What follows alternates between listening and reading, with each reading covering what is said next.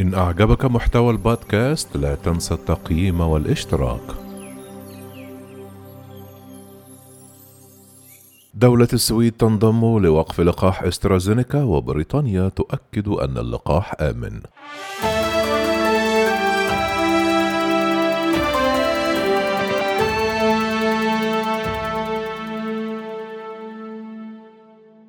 مع ارتفاع حالات الإصابة بالفيروس التاجي في العديد من الأماكن واجهت الحكومات أسوأ المعضلات يوم الثلاثاء المضي قدما في لقاح معروف بإنقاذ الأرواح أو تعليق استخدام استرازينيكا بسبب تقارير عن حدوث جلطات دموية خطيرة في عدد قليل من المستفيدين على الرغم من عدم وجود دليل على أن اللقاحات كانت مسؤولة.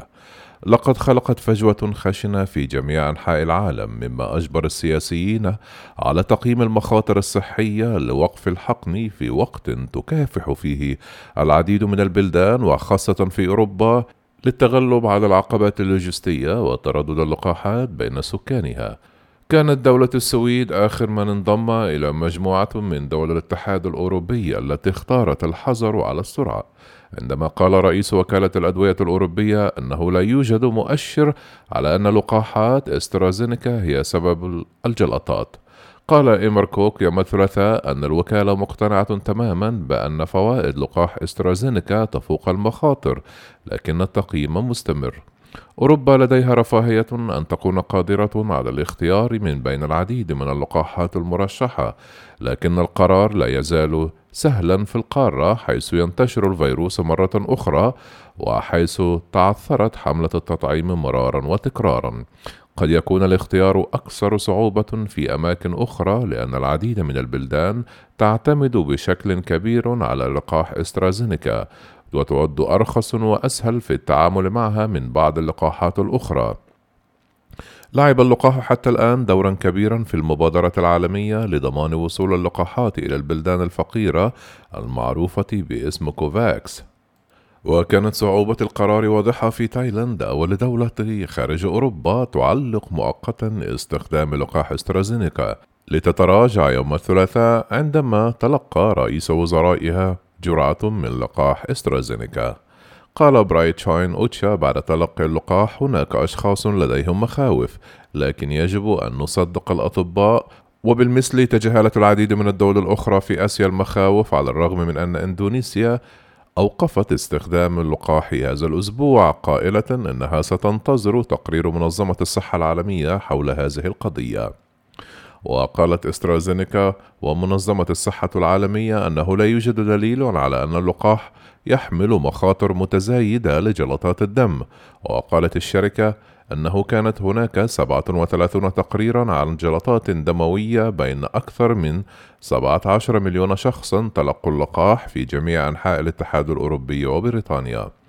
وقالت شركة الأدوية الأنجل السويدية هذا أقل بكثير مما كان متوقعا أن يحدث بشكل طبيعي في عموم السكان بهذا الحجم وهو مشابه في لقاحات كوفيد 19 المرخصة الأخرى. كما طالبت المنظمة من الخبراء النظر في المشكلة والتخطيط لمشاركة النتائج التي توصلوا إليها.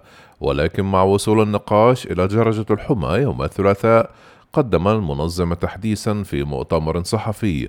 وقال كوك رئيس الوكالة إن اجتماع الخبراء هذا الأسبوع سيقدم توصية يوم الخميس. لكن في غضون ذلك يتراجع عدد دول الكتلة التي تمسكت باللقاح بعد أن قالت دول ذات وزن ثقيل مثل ألمانيا وإيطاليا وفرنسا وإسبانيا أنها ستعلقها. أما بولندا ورومانيا واليونان فقد أصروا على وقف اللقاحات الذي من شأنه أن يتسبب في ضرر أكثر بكثير من الآثار الجانبية التي نوقشت بشدة. قال وزير الصحة البلجيكي فرانك فاندربورك لشبكة VRT في وقت مبكر من يوم الثلاثاء عندما تعرف كيف ينتشر الفيروس سيكون من غير الحكمة أن تتوقف. لاحظ الخبراء أن مثل هذه المخاوف أمر لا مفر منه في حملات التطعيم الجماعية. مع حصول الكثير على الناس من التطعيمات لابد أن يمرض البعض حتى لو لم يتم إلقاء اللوم على اللقاح. وقال فاندربورك هذا يعني أننا سنضطر إلى قطع الحملات باستمرار خلال الأشهر المقبلة. وقال عالم الفيروسات البلجيكي إيف فاينلايثم أردنا أن نظل علميين قدر الإمكان في الاضطرابات السياسية الطبية التي تهيج أوروبا حاليا. في إسبانيا التي أعلنت تعليق اللقاح يوم الاثنين شكك بعض الخبراء الطبيين في هذه الخطوة وقال آموس غارسيا رئيس جمعية علم اللقاحات الإسبانية إن الدول كانت شديدة الحماس في وقف استخدام لقاح إسترازينيكا. وبدا أن للقرارات تأثير كرة الثلج. قال جارسيا هناك تأثير عدوى عبر الحدود. قال جارسيا لمحطة في إي تي الإسبانية كل شيء يؤدي إلى مبدأ الحذر بمجرد أن يبدأ الأمر مثل لعبة الدومينو. يصبح من الصعب جدا على بلد ما الاستمرار في تقديم اللقاح. إذا توقف الآخرون حتى لو كان ذلك بدافع الاحتراز. مع سيل القرارات التي ألقت بظلال من الشك على لقاح استرازينيكا على الرغم من تأكيدات الخبراء تم اختبار الرأي العام مرة أخرى لتصديق العلم على الشك. قالت رئيسة وزراء صربيا أنا برنابيتش إن دولة البلقان لن تتوقف عن استخدام لقاح استرازينيكا وأصرت على أنه لسوء الحظ فإن بعض الناس لديهم أفكار أخرى بسبب حملة سلبية. في كثير من الأحيان في حالة من الفوضى أثناء حملة اللقاح. خرج الاتحاد الأوروبي المكون من 27 دولة مرة أخرى عن مساره حيث اتخذت كل دولة من دول الأعضاء قرارها الخاص. وحيث دعت اللجنة التنفيذية الجميع إلى مراعاة نصائح المراكز الطبية. وعندما سئلت عما إذا كانت رئيسة مفوضية الاتحاد الأوروبي أورسالا فونديير لاين ستأخذ لقاح إسترازينيكا قال المتحدث باسمها إريك مايمر بالطبع سوف تتلقى اللقاح.